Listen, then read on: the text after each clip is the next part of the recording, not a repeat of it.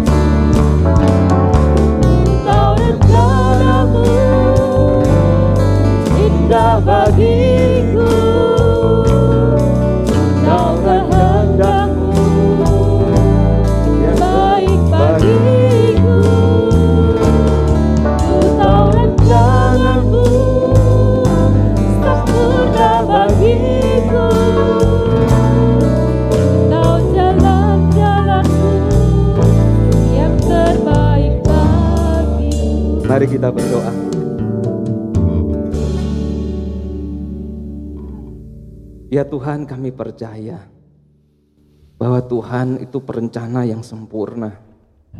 Ya Tuhan kami percaya bahwa Tuhan pengendali segala sesuatu.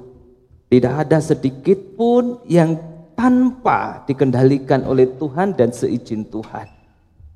Tetapi kami perlu ya Tuhan, di dalam kelemahan kami memahami rancangan Tuhan, dikuatkan dan diteguhkan bahwa apa pun yang sepertinya menghalangi kebaikan kami, Tuhan tetap ber, mengontrolnya, Tuhan tetap mengendalikannya, dan Tuhan tetap menjadikannya untuk kebaikan kami.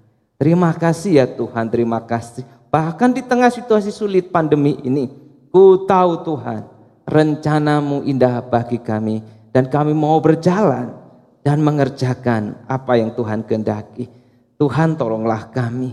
Demi nama Tuhan Yesus kami berdoa. Amin.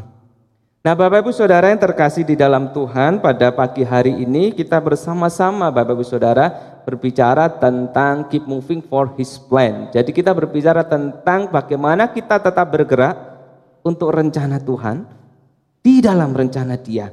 Nah, Bapak Ibu Saudara yang terkasih, saya mengajak kita membuka kitab suci kita. Mari Bapak Ibu Saudara yang di rumah maupun di gereja, kita buka kitab suci kita yang selama ini kita buka HP, lalu HP kita kita pakai untuk beribadah, kita buka kitab suci kertas kita. Bilangan 13 ayat ini cukup panjang pasal ini. Saya akan membaca buat kita sekalian Bilangan 13 ayat 1 dan 3 Ayat 1, 2, 3 lalu kemudian 25 sampai 33. Saya akan membaca buat kita sekalian, Bapak Ibu yang di rumah dengan menyimak dan juga mendengarkan suara saya, kita akan ditolong Tuhan untuk bisa menangkap lebih baik lagi daripada kita hanya mendengar saja. Bilangan 13 1 2 3 Tuhan berfirman kepada Musa, "Suruhlah beberapa orang mengintai tanah Kanaan yang akan kuberikan kepada orang Israel." Dari setiap suku nenek moyang mereka haruslah kau suruh seorang semuanya pemimpin-pemimpin di antara mereka. Lalu Musa menyuruh mereka dari padang gurun Paran sesuai dengan titah Tuhan.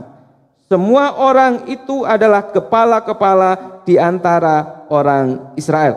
Ayat 25. Sesudah lewat 40 hari, pulanglah mereka dari pengintaian negeri itu dan langsung datang kepada Musa dan Musa umat Israel di Kades di padang gurun Paran. Mereka membawa pulang kabar kepada keduanya dan kepada segenap umat itu dan memperlihatkan kepada sekaliannya hasil negeri itu. Mereka menceritakan kepadanya, kami sudah masuk ke negeri ke mana kau suruh kami. Dan memang negeri itu berlimpah-limpah susu dan madunya dan inilah hasilnya. Hanya bangsa yang diam di negeri itu kuat-kuat dan kota-kotanya berkubu dan sangat besar. Juga keturunan enak telah kami lihat di sana. Orang Amalek diam di tanah Negeb, orang Het, orang Yebus, dan orang Amuri diam di pegunungan. Orang Kanaan diam sepanjang laut dan sepanjang tepi sungai Yordan. Kemudian coba menentramkan hati bangsa itu di hadapan Musa katanya.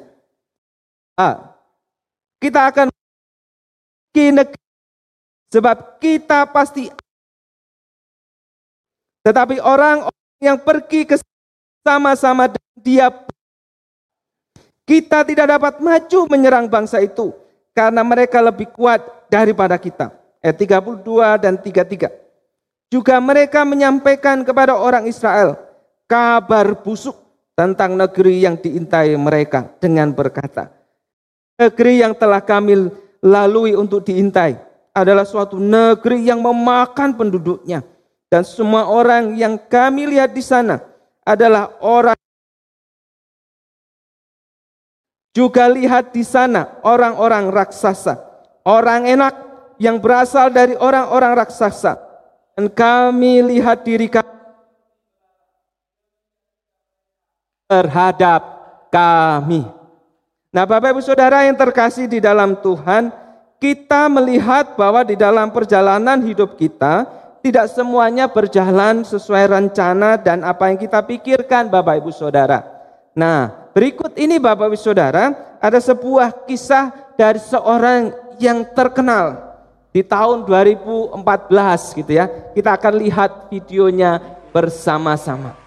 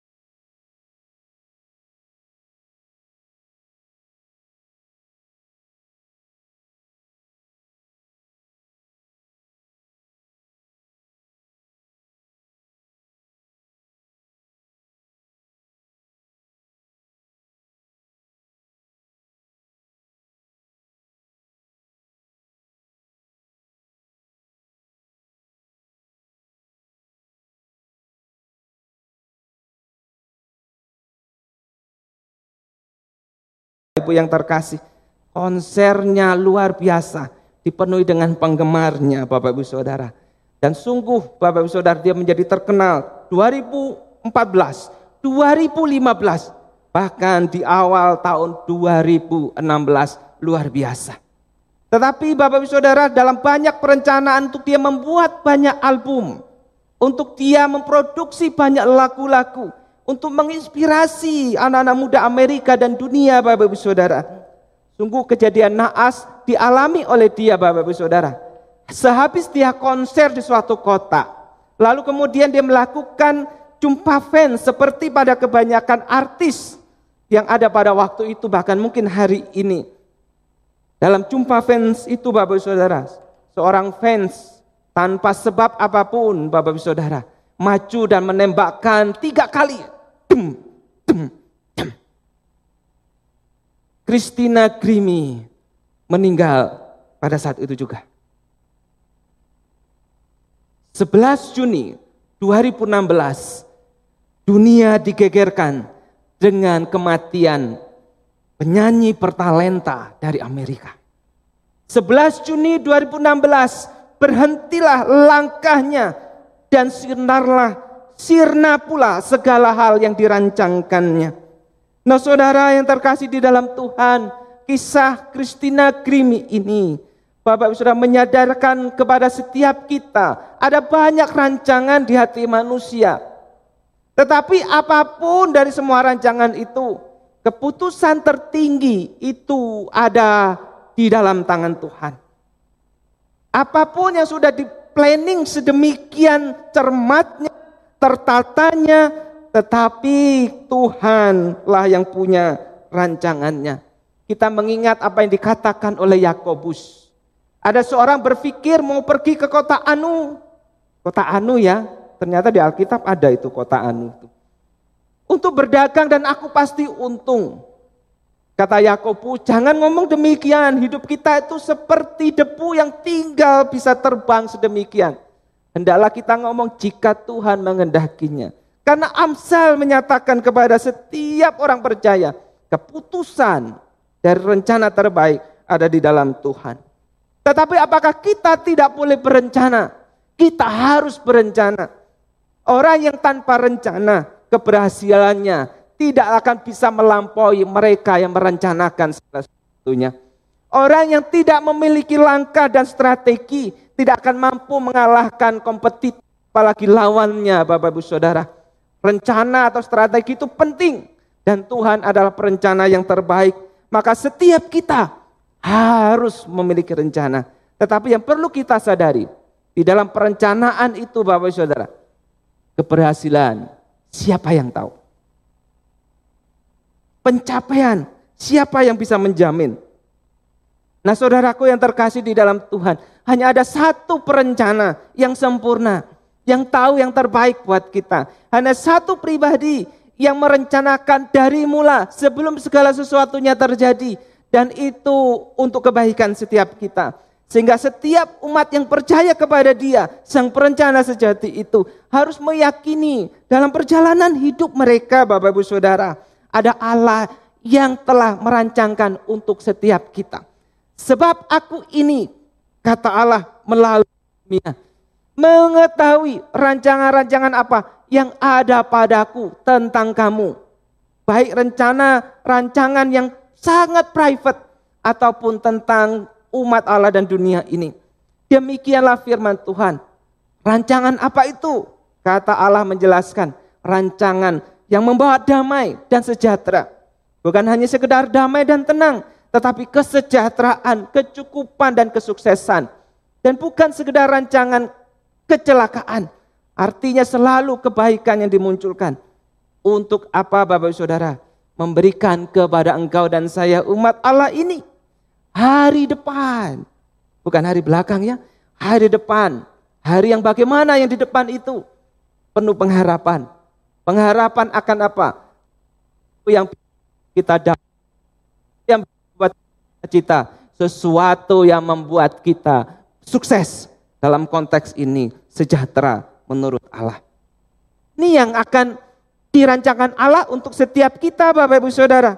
Dan oleh karena itu penting buat kita Bapak Saudara. Di dalam rancangan Allah yang besar itu. God's big plan itu. Untuk itulah kita membawa, menaruh, meletakkan rencana kita pribadi itu. Masuk dalam rencana besar Allah. Blueprintnya Allah untuk kita di masa depan. Blueprintnya Allah untuk gereja di mana kita berada. Blueprintnya Allah untuk kondisi ekonomi dunia, blueprintnya Allah untuk teknologi, bahkan juga untuk kemajuan dunia Bapak Ibu Saudara.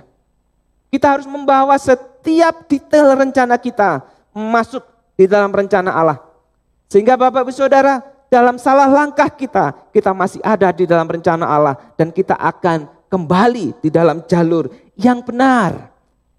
Kita bisa gagal merencanakan segala sesuatu. Tetapi kalau kita masih di dalam rancangan Allah yang besar itu, blueprintnya rencana Allah, kita akan dibuat berhasil. Kita akan dibuat berhasil Bapak Saudara. Percayalah kepada firman Tuhan, bukan kepada saya. Nah saudaraku yang terkasih dalam Tuhan, Allah punya rencana termasuk kepada umatnya Israel Bapak Saudara. Rencana yang Allah berikan itu mula-mula kepada Abraham.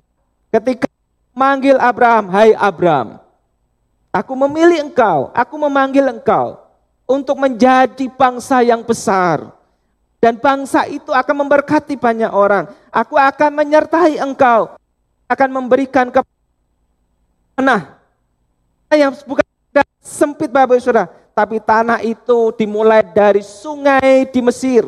Kalau kita lihat Bapak Ibu Saudara yang warna hijau ini, ini adalah tanah yang direncanakan diberikan Allah kepada Abraham dan keturunannya. Abraham, Ishak, Yakub dan Israel. Dari sungai di Mesir sampai kemudian sungai di Efrat, Bapak Ibu Saudara. Nah, Bapak Ibu Saudara yang terkasih di dalam Tuhan, ini penting buat setiap kita. Supaya mengetahui bahwa sebelum Allah memanggil seseorang, dia telah punya rencana untuk orang tersebut. Sebelum kita dilahirkan, dia sudah punya mapping untuk hidup kita dan kita akan jadi apa. Sehingga tidak ada lagi sesungguhnya kita terus berkeluh kesah. Kok aku hidup begini? Kok aku lahir dari keluarga ini? Karena Allah punya mapping untuk masa depan kita yang penuh harapan Bapak Ibu Saudara. Ini penting buat kita. Dan ini Bapak Ibu Saudara harus diingat oleh umatnya termasuk oleh umat Israel.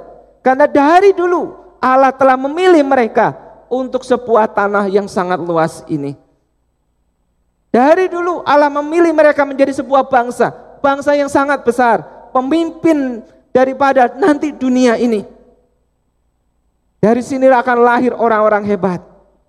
Ini janji Allah kepada umat Israel. Dan Bapak Ibu Saudara sungguh luar biasa di dalam janji itu Bapak Saudara. Engkau coba lihat nanti. Dan itu diperintahkan oleh Allah kepada Musa. Suruhlah beberapa orang mengintai tanah kanaan. Tanah yang akan kuberikan kepadamu itu. Dan suruhlah siapa? Suruhlah setiap pemimpin-pemimpin suku. Berarti ada 12 pemimpin. Karena mereka orang terbaik karena mereka orang yang cekatan, mereka orang yang paling berani, dan mereka orang yang dikatakan paling beriman di setiap suku-suku yang mereka pimpin. Pilih itu, lalu kemudian kamu harus memata-matai dalam bahasa kita observasi, teliti baik-baik, dan laporkan itu. Nah saudara, apakah Allah tidak mengetahui tanah yang akan dia berikan? Sehingga dia menyuruh orang-orang Israel, pemimpin-pemimpin Israel untuk menelitinya. Allah maha tahu. Tapi Allah punya tujuan Bapak Ibu Saudara. Allah punya maksud di situ. Supaya mereka tahu bahwa aku benar. Tanah yang kujanjikan itu seperti yang kukatakan. Dan kamu lihat sendiri di sana. Dan tiap pemimpin punya tugas untuk memberitakan ini kepada orang-orang Israel pada saat itu. Nah saudaraku yang terkasih di dalam Tuhan, terpilihlah 12 pemimpin. Dari kedua belas itu dua orang Bapak Saudara kita mengenalnya sebagai Kaleb dan juga Yosua. Saudaraku yang terkasih di dalam Tuhan, apa yang harus mereka cari di situ? Mereka berangkat Bapak Ibu Saudara. Nah Bapak Ibu yang terkasih di dalam Tuhan, 40 hari kemudian mereka pulang. Lalu apa yang mereka bisa katakan kepada Musa dan juga umat Israel? Bapak Ibu Saudara, mereka harus menyelidiki bagaimana tanah di sana, letak geografis di sana, dengan siapa mereka berbatasan, penduduk-penduduk itu dan kelompok-kelompok suku itu tinggal di sebelah mana sebelah mana. Mereka catat itu. Lalu kemudian kekuatan tiap-tiap suku yang ada di sana. Mereka juga catat itu. Lalu kemudian kemampuan dan hasil tanah betul enggak seperti yang Tuhan janjikan. Potensi pertanian. Bahkan mereka harus membawa contohnya. Contoh hasil menjadi bukti bahwa Allah enggak omong doang bahwa Allah tidak hanya ngomong, tapi itu kenyataan.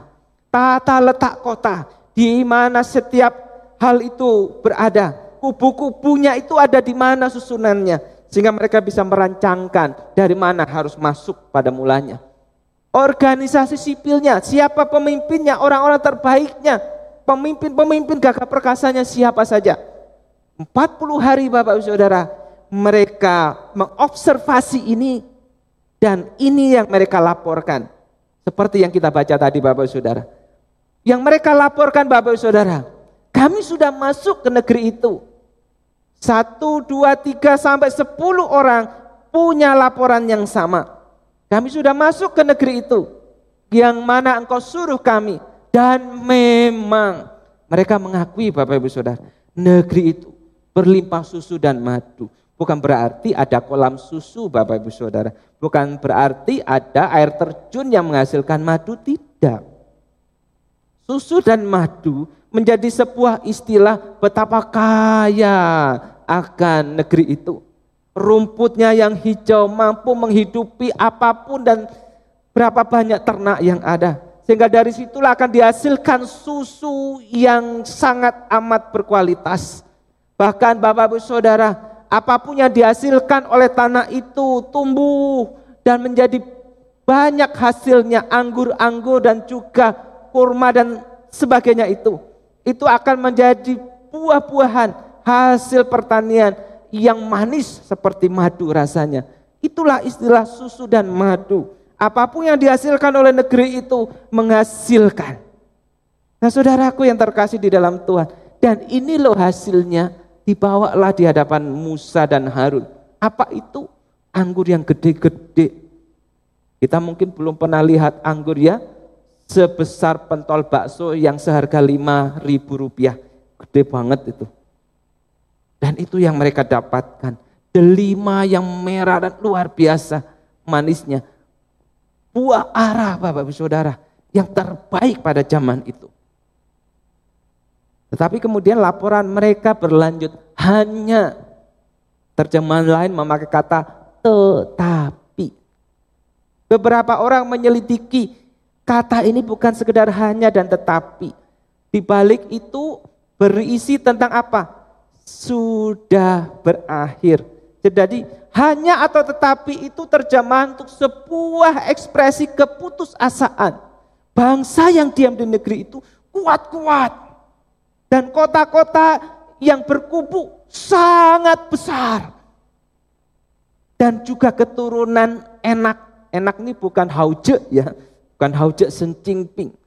Tapi enak ini adalah orang-orang gagah perkasa pada zaman itu. Tentu kita bisa melihat di dalam kitab kejadian. Ketika anak-anak manusia itu beranak pinak dan menjadi anak-anak raksasa. Kalau tidak salah kejadian 6. Demikianlah mereka menyebut orang gagah perkasa itu sebagai raksasa. Kita tidak mampu untuk menyerang bangsa itu. Karena mereka lebih kuat dari kita. Suatu kalimat terakhir yang menunjukkan bahwa hanya gak mungkin kita dapat susu dan madu itu. Mereka terlalu kuat. Mereka terlalu kuat untuk kita lawan. Badan mereka lebih besar daripada kita. Seringkali kita mengukur kesuksesan itu dari ukuran volume besar. Kalau dapat besar, berarti sukses. Kalau dapat banyak berarti berhasil. Kalau sana lebih gede, aku kalah. Kalau sana lebih tinggi penghasilannya, mereka menang. Itu seperti anak kecil Bapak Ibu Saudara. Anak kecil itu kan suka ayam goreng lebih gede gitu. Dia akan pilih Bapak Ibu Saudara, pilih apa? Pilih yang jumlahnya lebih besar, volumenya lebih besar. Itu anak-anak Bapak Ibu Saudara, karena yang besar itu dipikir adalah yang terbaik. Yang besar itu pasti menang. Eh belum tentu Bapak Ibu Saudara, belum tentu yang besar itu akan menjadi pemenang. Tapi pandangan ini Bapak Saudara itu dimiliki oleh 10 kepala suku yang terbaik. Bayangkan, mereka pemimpin terbaik Bapak Saudara. Tetapi hanya mereka berhenti di satu langkah. Hmm, enak ya susu dan madunya, buahnya, waduh tanah itu hebat. Tapi mereka tidak berani melangkah karena ada orang-orang besar di sana. Mereka tidak berani mengambil keputusan. Mereka tidak bisa bergerak untuk selanjutnya. Saudaraku yang terkasih di dalam Tuhan, apa dan mengapa kita tidak bisa bergerak di dalam banyak hal? Why cannot I move? Mengapa saya tidak dapat bergerak dan mengambil keputusan? Seringkali Bapak Saudara, ini yang sering kali kita alami dan juga pikirkan dan pertanyakan. Karena kita hanya menghitung besarnya masalah. Kita hanya menghitung besarnya masalah. Kita terfokus di sana. Masalahnya yang dihitung. Itu yang dimiliki oleh sepuluh kepala suku ini. Kita hanya khawatir pada tingginya hambatan. Kita berpikir, wah terlalu tinggi, gak mungkin dilalui, gak mungkin terlewati. Kita khawatir kepada hambatan-hambatan itu. Dan itu yang dipikirkan oleh sepuluh kepala suku ini. Terlalu fokus kepada kemampuan lawan. Terlalu fokus kepada kebesaran lawan. Terlalu fokus kepada bentengnya lawan. Terlalu fokus kepada volumenya lawan itu sendiri. Saudara, pikiran-pikiran ini Bapak Saudara ada pikiran yang negatif. Dan ketika pikiran negatif itu terpelihara dan kita budidaya dalam pikiran kita, the power of negative thinking itu akan mempengaruhi kita sehingga kita cannot moving. Tidak bisa bergerak. Mau bergerak, ojo-ojo kata orang Jawa ya. Mau bergerak, jangan-jangan. Mau bergerak, nanti ya apa? Karena kita hanya menghitung besarnya masalah tingginya hambatan. Dan juga betapa lawan kita itu hebat. Ketika ini kita pelihara, ketika ini menjadi dasar keputusan kita untuk mengambil segala sesuatu langkah di depan, maka yang yang ada bukan optimisme karena negatif tidak menghasilkan positif pikiran optimis untuk ke depan. Saudaraku yang terkasih di dalam Tuhan. Sehingga Bapak Saudara, ketika Allah meminta para pemimpin itu melihat tanah Kanaan, supaya mereka menceritakan kepada banyak orang itu betapa Allah punya rencana yang terbaik, janjinya betul. Janji yang puluhan tahun yang lalu, ratusan tahun lalu kepada Abraham itu benar, bukan omong kosong, apalagi omong doang. Tetapi ketika pikiran mereka dipengaruhi oleh negatif thinking itu. Yang terjadi seperti ini Bapak Ibu Saudara. Mereka berkata begini dalam catatan ini Bapak Ibu Saudara. Juga mereka menyampaikan kepada orang Israel. Apa Bapak Ibu Saudara? Kabar busuk. Kabar berbau bangkai. Kabar apa itu? negeri yang diintai mereka dengan mereka berkata kepada banyak orang itu, negeri yang telah kami lalui untuk diintai adalah suatu negeri yang memakan penduduknya. Bukankah tidak ada istilah memakan penduduknya ini? Tetapi mereka karena dipenuhi ketakutan Bapak Ibu Saudara, menurut pandangan mereka, negatif thinking mereka. Mereka berpikir bahwa negeri itu memakan penduduknya. Negeri itu saling berperang satu sama lain. Negeri itu rebutan. Dan semua orang yang kami lihat dikatakannya, bukan sebagian. Semua orang tanpa terkecuali yang kami lihat di sana adalah orang-orang yang tinggi-tinggi perawakannya. Dan kami lihat di sana orang-orang raksasa, Nepilim. Orang yang diyakini adalah keturunan daripada malaikat dengan manusia. Nepilim itu ya kayak kita mengenal Hercules Bapak Ibu Saudara itu menjadi legenda daripada apa? Dewa dan manusia melahirkan Hercules. Ya kayak gitulah Nepilim ini.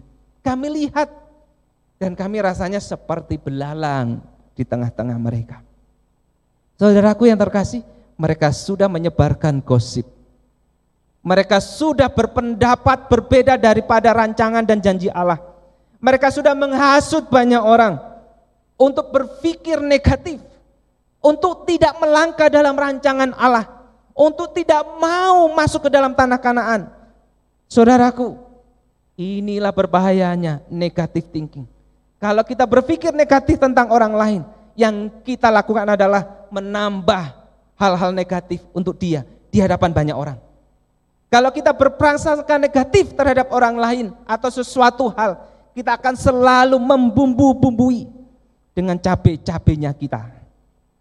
Garam-garamnya kita. Sehingga orang yang mendengarnya bisa kepanasan dan juga bisa darah tinggi Bapak Ibu Saudara. Ini yang dilakukan oleh sepuluh kepala suku itu. Yang pada mulanya orang-orang terbaik tetapi mereka mengalami kemerosotan di situ. Sesuatu yang kita bisa perhatikan Bapak Ibu Saudara, ketika mereka berkata seperti ini, juga kami lihat di sana orang-orang raksasa. Bandingkannya, kami lihat diri kami, kami lihat mereka, kami lihat diri kami, kami seperti belalang.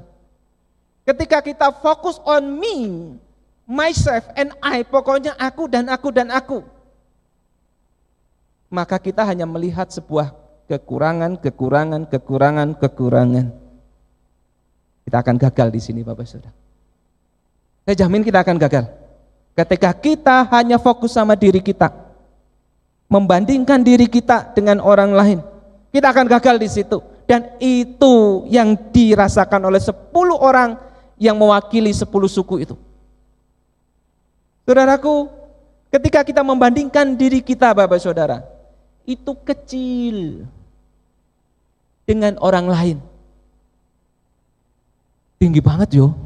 Saya kalau di dekat Ken Bapak Saudara, So gini Bapak Saudara. Di dekat Pak Setia Budi juga begini ya. Kok bisa ya sama-sama manusianya ya? Nah Bapak Saudara ketika kita membandingkan diri kita kecil dengan orang lain. Saya mau katakan kita sudah kalah. Oh iya ya, aku kayak belalang, aku kecil banget, dia gede banget, gak mungkin. Itu kan yang dihadapi oleh orang-orang Israel pada kepemimpinan Saul. Ketika mereka menghadapi tantangan raksasa, Goliat namanya. Lalu mereka berkata, "Oh, gede banget. Siapa yang mau melawan dia? Kita kecil-kecil." Maka ciutlah nyali bangsa itu dikatakan oleh Alkitab. Tetapi kalau kita membandingkan diri kita itu kecil di hadapan Allah, itu namanya berserah. Tuhan aku nggak bisa, dalam kalimat ini sepertinya jeritan hati kita ya Bapak Ibu Saudara. Tuhan engkau yang Isa, aku enggak Isa. Tuhan aku tidak mampu. Di balik perkataan ini artinya engkau yang mampu Tuhan. Ketika kita merasa kecil di hadapan Allah, itu namanya berserah. Justru dalam kelemahanlah kuasaku sempurna terhadapmu. Berarti apa? Ketika kita merasa kecil tak berdaya di hadapan Allah, kita menyerahkan semuanya itu kepada dia dan terlaksanalah apa yang Allah kehendaki. Tetapi sepuluh orang ini dan termasuk jemaat-jemaat Israel yang sudah teracuni oleh berita busuknya para pemimpin mereka itu. Merasa kecil dibanding orang lain. Tetapi di dalam banyak hal buruk Tuhan selalu menghadirkan orang-orang terbaik. Dalam banyak pilihan-pilihan terburuk, Selalu ada disediakan Tuhan orang-orang yang bisa terpercaya. Itu harus kita yakini di dalam gereja kita, di dalam bangsa kita, bahkan keluarga kita. Oleh karena itu kita tidak perlu menangisi dan tidak tidak perlu putus asa karena ada orang-orang terbaik yang disediakan Allah meskipun jumlahnya tidak banyak. Kaleb menenangkan bangsa itu, menentramkan bahasanya. Tunggu dulu, enggak ngunu kok. Salah yang kamu dengar. Aku juga ada di sana. Ayo kita maju dan menduduki negeri itu. Ayo kita moving. Kita dapatkan negeri itu. Kita pasti akan mengalahkannya. Siapa itu? Orang-orang enak. Siapa itu? Raksasa-raksasa atau Nephilim itu. Ayo. Bukan hanya Kaleb Bapak Ibu Saudara. Yosua yang masih muda pada zaman itu berkata, negeri yang kami lalu itu untuk diintai itu luar biasa baiknya. Jika Tuhan berkenan, kita akan ia bawa masuk ke dalam negeri itu. Dan kita akan diberikan negeri itu. Perkataan orang muda ini, si Yosua ini. Jika Tuhan berkenan. Apakah Tuhan tidak berkenan? Karena ini rencana Tuhan. Karena ini cara Tuhan. Ini perintah Tuhan. Perkenanan Tuhan. Ini sesuai apa yang dia katakan. Benar ini. Pasti kita akan bisa masuk dan tanah itu akan diberikan bukan oleh kekuatan kita. Ia memberikannya kepada kita. Wow, Bapak Ibu Saudara, luar biasa, dua orang. Tetapi akibat perkataan mereka Bapak Ibu Saudara, mereka hampir mati di rajam batu. Oleh seluruh rakyat termasuk oleh suku yang mereka pimpin. Bukankah Rasul Paulus menuliskan seperti ini? Siapa yang bisa melepaskan kita daripada Allah kita? Penderitaankah? Kesukarankah? Roma Sebab itu apa yang kita katakan tentang semua hal buruk itu yang menderita kita, yang mendera kita. Kalau Allah di pihak kita, siapa yang berani? Siapa yang mau lawan? Suatu perkataan Bapak Ibu Saudara, Ya mungkin kalau Rasul Paulus ada di sana dia akan katakan hal ini kepada orang-orang Israel itu bersama dengan Yosua dan Kaleb. Siapa yang mau lawan Allah kita? Saudaraku yang terkasih, Charles Spurgeon, hamba Tuhan yang luar biasa. Dia berkata begini, setiap kejahatan itu itu menyentuh wilayah kesucian Allah. Itu menyentuh akan nurani Allah, keadilan Allah. Semua kejahatan tetapi ada satu kejahatan menurut dia. Ketidakpercayaannya seseorang kepada Allah, umat Allah kepada dia. Itu seperti sebuah pukulan keras kepada natur ilahi dia. Itu seperti menuduh bahwa Allah tidak benar. Itu menyangkal bahwa Allah itu baik karena tidak percaya yang dirancangkan Allah. Itu sama dengan menghujat sifat-sifat Allah itu dan memfitnah karakternya. Bapak Saudara, Bilangan 14 ayat 23. Allah memakai satu kata, engkau menista aku. Sebelum ada undang-undang penistaan di negeri ini, Allah sudah menyampaikannya Bapak Saudara. Engkau menista aku dengan sikapmu dan ketidakpercayaanmu dan kabar busuk itu. Saudaraku yang terkasih dalam Tuhan, ketidakpercayaan adalah dosa yang paling dibenci Allah ketika itu dilakukan oleh umat Allah Kecuali itu bukan umat Allah. Allah mengerti memang tidak percaya. Tetapi kalau umat Allah atau kita meragukan dia dan firmannya, sama aja kita meragukan kebenarannya, rencananya, dan menyangkali kebaikannya. Saudara, kalau kita pikirkan Bapak Saudara, ini adalah peta perjalanan umat Israel. Dua tahun perjalanan, mereka sudah sampai Bapak Saudara di padang gurun parang wilderness of Paran itu. Di titik temu Bapak Ibu Saudara. Kalau kita bisa perhatikan titik temunya Bapak Ibu Saudara. Kita bisa tahu itu. Mereka sudah sampai di sini. Padahal Bapak Saudara mereka tinggal menyeberang lagi. Mereka sudah ada di tanah kanaan. Warna biru yang saya tampilkan di awal.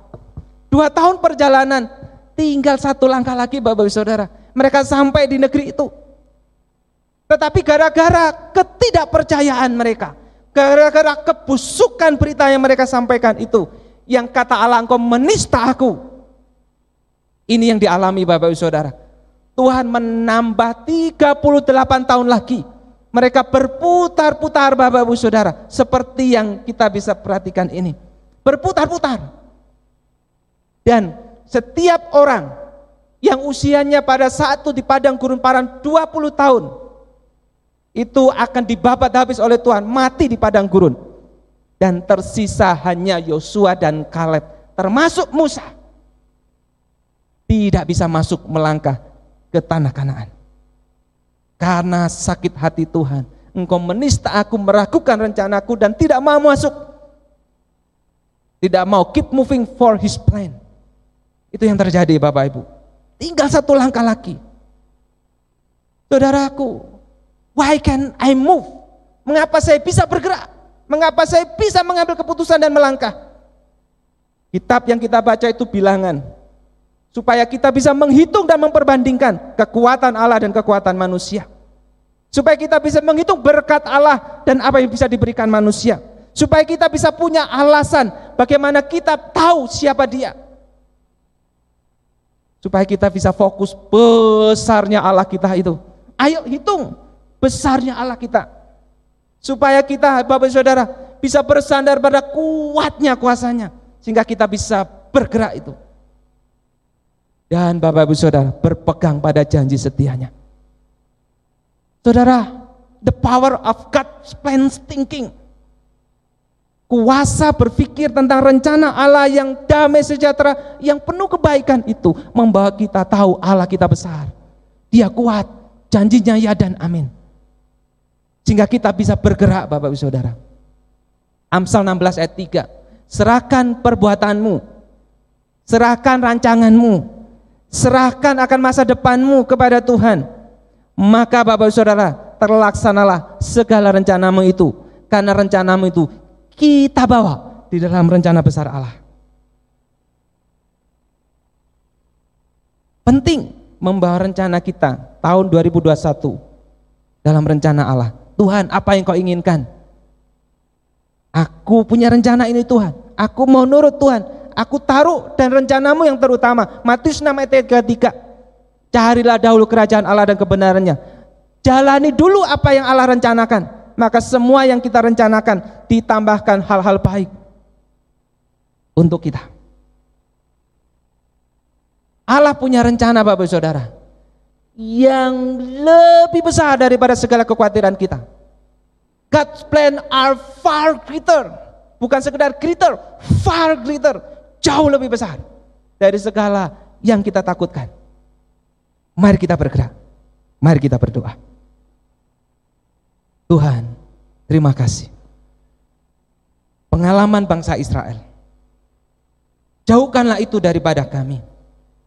Memang kesulitan ada di sekitar kami. Seperti raksasa virus corona ini. Seperti raksasa segala kebuntuan ekonomi kami seperti raksasa rasanya segala keterbatasan yang kami hadapi. Seperti raksasa rasanya kabut yang begitu tebal di depan kami. Tetapi ya Tuhan, kami percaya Engkau punya rencana. Dan apa pun rencana kami menyingkapi semuanya ini, kami serahkan kepada Tuhan. Kami kecil di hadapanmu, kami berserah kepada Tuhan. Kami tidak lebih kecil daripada tantangan-tantangan di depan kami. Karena Allah berserta dengan kami, kami mampu untuk melaluinya. Kesulitan di depan kami tidaklah sebesar apa yang kami pikirkan kalau kami mikirkannya bersama dengan Tuhan. Tolonglah kami Tuhan. Terima kasih Bapak. Demi Kristus Yesus kami berdoa. Amin.